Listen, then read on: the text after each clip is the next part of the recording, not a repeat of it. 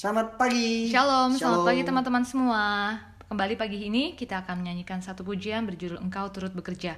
Kita percaya bahwa Tuhan Yesus selalu bekerja di dalam segala hal untuk mendatangkan kebaikan bagi kita semua. Bahkan di dalam badai yang bergelora, kita nggak perlu goyah karena Tuhan menjadi jangkar bagi hidup kita dan penyertaannya sempurna atas kita. Haleluya.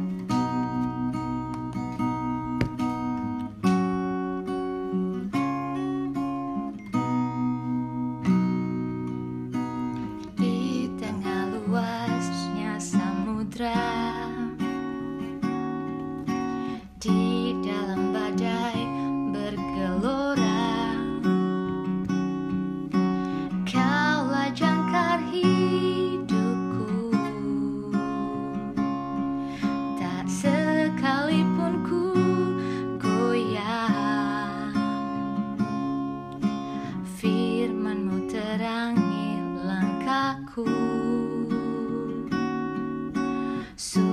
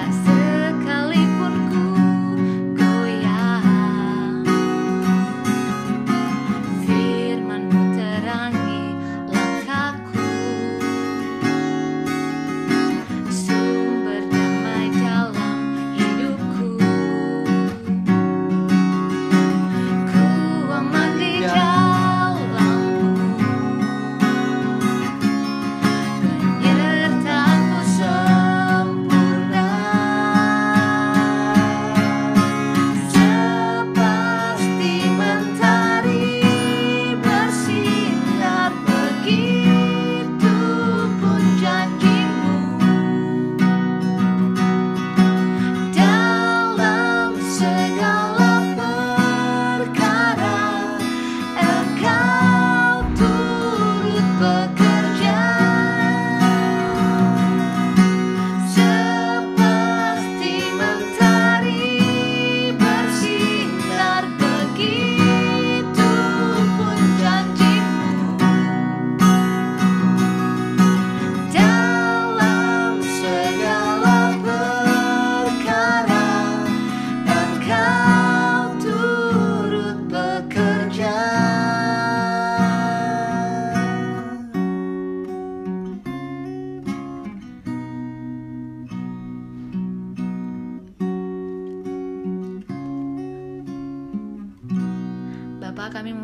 mengucap syukur buat pagi hari ini. Terima kasih kalau kami boleh datang menghadap kehadiratmu Memuji menyembah Engkau Tuhan. Kami tahu Tuhan Yesus Kami sungguh merasakan kebaikanmu dalam kehidupan kami. Seperti janjimu Tuhan Gak pernah meninggalkan kami. Engkau tetap setia Dan kami percaya dalam segala perkara Engkau turut bekerja. Bicara kepada kami melalui firmanmu pagi hari ini Sampaikan isi hatimu Biar firmanmu terus meneguhkan iman kami. Terima kasih Tuhan. Di dalam nama Yesus kami berdoa dan mengucap syukur. Haleluya. Amin. Amin. Roma 8. Hidup oleh roh. Demikianlah sekarang tidak ada penghukuman bagi mereka yang ada di dalam Kristus Yesus. Roh yang memberi hidup telah memerdekakan kamu dalam Kristus dari hukum dosa dan hukum maut.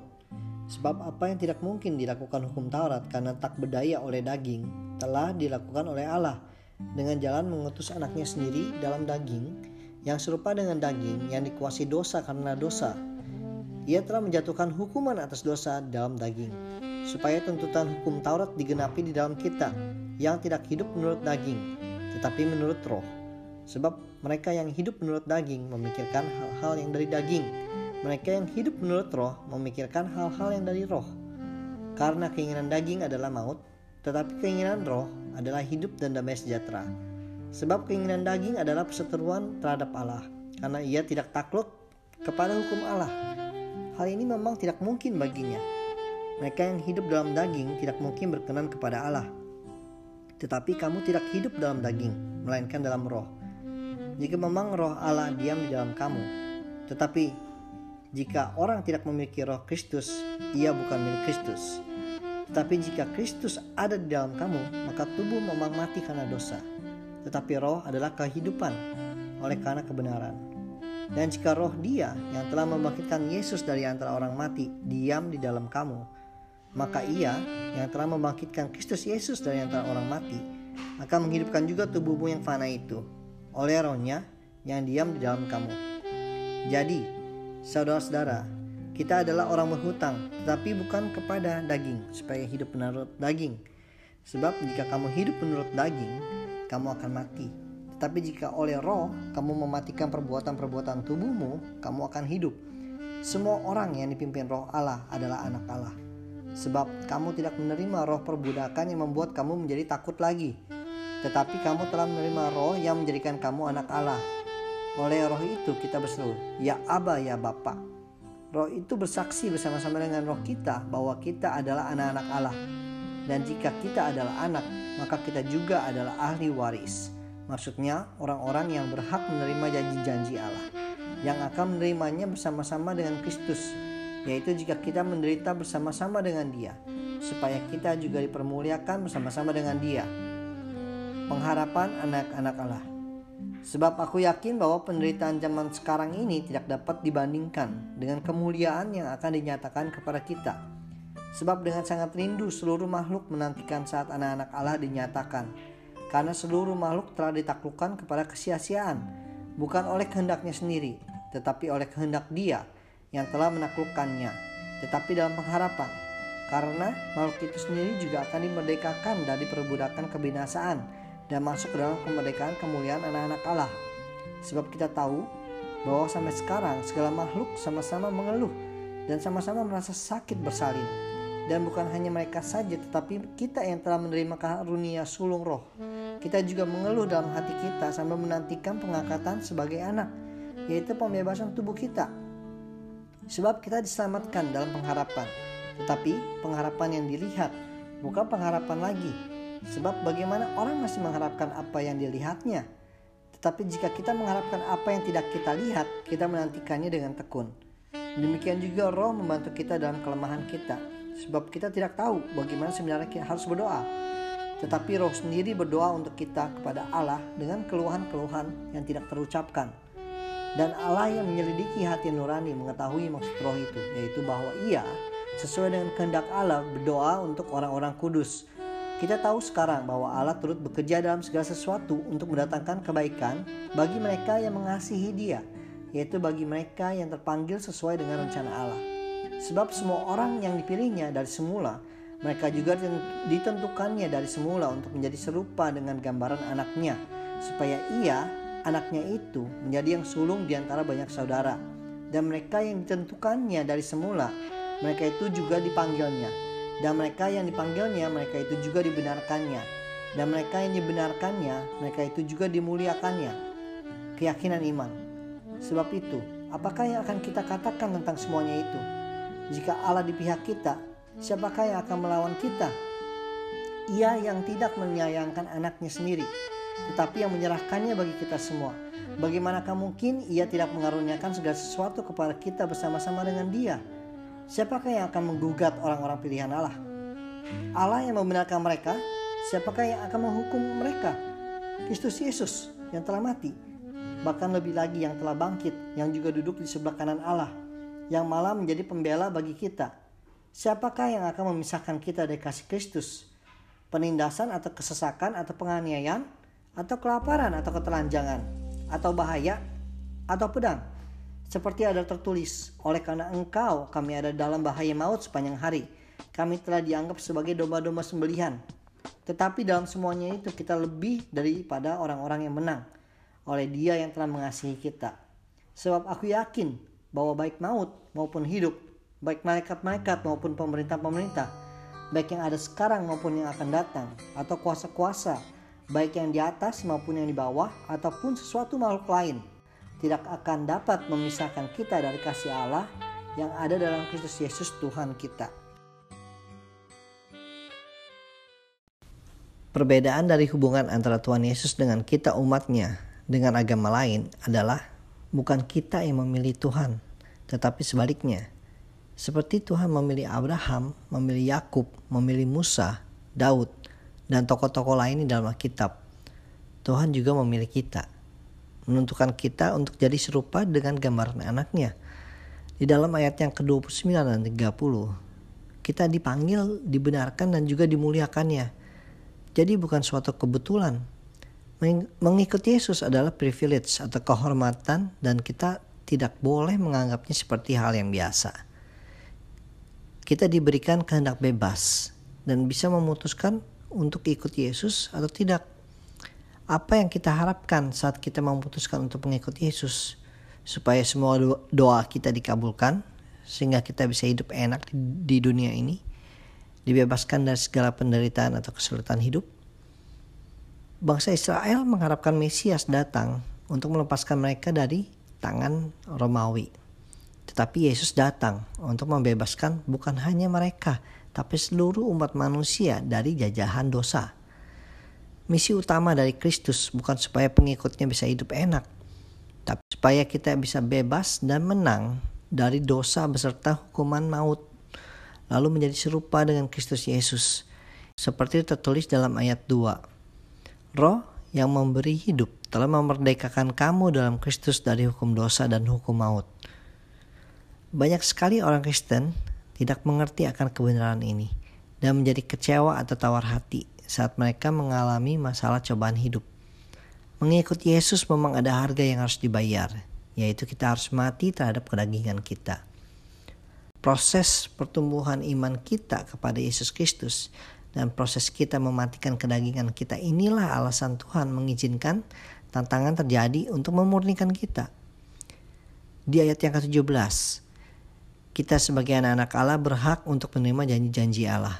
Tetapi juga tertulis, jika kita menderita bersama-sama dengan Dia. Jadi kita tahu sekarang menderita di dalam Yesus itu bukan kekalahan, tetapi bagian dari proses kita untuk menerima janji-janji Allah yang jauh lebih indah, jauh lebih besar dari apa pun yang ada di dunia ini. Ayat ke-28 mengatakan, kita tahu sekarang bahwa Allah turut bekerja dalam segala sesuatu untuk mendatangkan kebaikan bagi mereka yang mengasihi Dia yaitu bagi mereka yang terpanggil dengan rencana Allah. Kita harus percaya dan setia kepada Tuhan, walau kita tidak bisa melihat apa maksud dari tantangan yang sedang kita hadapi. Kita mungkin gak mengerti kenapa Tuhan izinkan COVID-19 ini terjadi, di mana gereja-gereja diharuskan berhenti beraktivitas dan harus menjalankan segala sesuatu secara online. Banyak kesulitan ekonomi, mungkin ada keluarga yang terkena COVID-19. Di dalam semuanya itu, Roma 8 memberikan kita penghiburan dan kekuatan bahwa Tuhan masih peduli.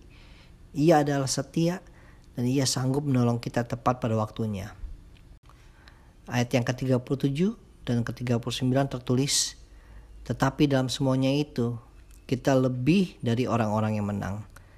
Oleh dia yang telah mengasihi kita. Sebab aku yakin bahwa baik maut maupun hidup, baik malaikat-malaikat, maupun pemerintah-pemerintah, baik yang ada sekarang maupun yang akan datang, atau kuasa-kuasa, baik yang di atas maupun yang di bawah, ataupun sesuatu makhluk yang lain, tidak dapat memisahkan kita dari kasih Allah yang ada dalam Kristus Yesus Tuhan kita. Ayat-ayat di Roma pasal 8 ini merupakan ayat-ayat yang sangat menguatkan dan memberikan kita pengharapan, keyakinan bahwa Tuhan Yesus begitu mengasihi kita Apalagi dengan kondisi-kondisi sulit di masa pandemi ini, di mana mungkin banyak di antara kita yang merasa lemah, down dan bertanya-tanya kapan sih semua ini akan berakhir. Dan bahkan mungkin ada yang mulai meragukan keberadaan Tuhan. Ayat favorit saya di Roma 8, 31 sampai 32, 35, 37 sampai 39. Dikatakan di ayat 31-32. Kita diingatkan di sini, kalau Tuhan ada di pihak kita, siapa yang bisa lawan kita? Tuhan saja menyerahkan anaknya untuk mati bagi kita. Masakan dia nggak memberikan yang lainnya? Intinya kalau mau main hitung-hitungan dan protes sama Tuhan, sebaiknya kita mikir dahulu. Tuhan Yesus sudah mati bagi kita dan dia menebus dosa kita serta mengaruniakan keselamatan dan kehidupan kekal bagi kehidupan kita. Masakan dia nggak peduli akan setiap problema dalam kehidupan kita? Gak mungkin kan? Kemudian di ayat 35, 38 sampai 39 ada pertanyaan. Adakah sesuatu atau apa pun juga yang bisa memisahkan kita dari Kristus? Penindasan, kesesakan, penganiayaan, kelaparan, ketelanjangan, bahaya, atau pedang, atau maut, atau hidup baik malaikat-malaikat, pemerintah-pemerintah, baik sekarang maupun yang akan datang, kuasa-kuasa baik yang di atas maupun yang di bawah, ataupun sesuatu makhluk yang lain. Jawabannya, tidak ada satu hal pun yang bisa memisahkan kita dari kasihnya. Kematiannya dan kebangkitannya adalah bukti bahwa kasih setianya abadi dan kekal bagi kehidupan kita. Jadi teman-teman, jangan takut dalam menghadapi setiap masalah, pergumulan, tekanan, bahkan kesesakan ataupun apa pun juga dalam hidup kita. Karena kita perhatikan bersama-sama di ayat yang 37. Dikatakan di sini bahwa tetapi dalam semuanya itu, kita lebih daripada orang-orang yang menang oleh Dia yang telah mengasihi kita. Kita percaya bahwa janji Tuhan itu ya dan amin. Jadi, mari kita terus kuat dalam menghadapi semua pergumulan kita, karena kita pasti keluar lebih dari para pemenang. Haleluya! Amin.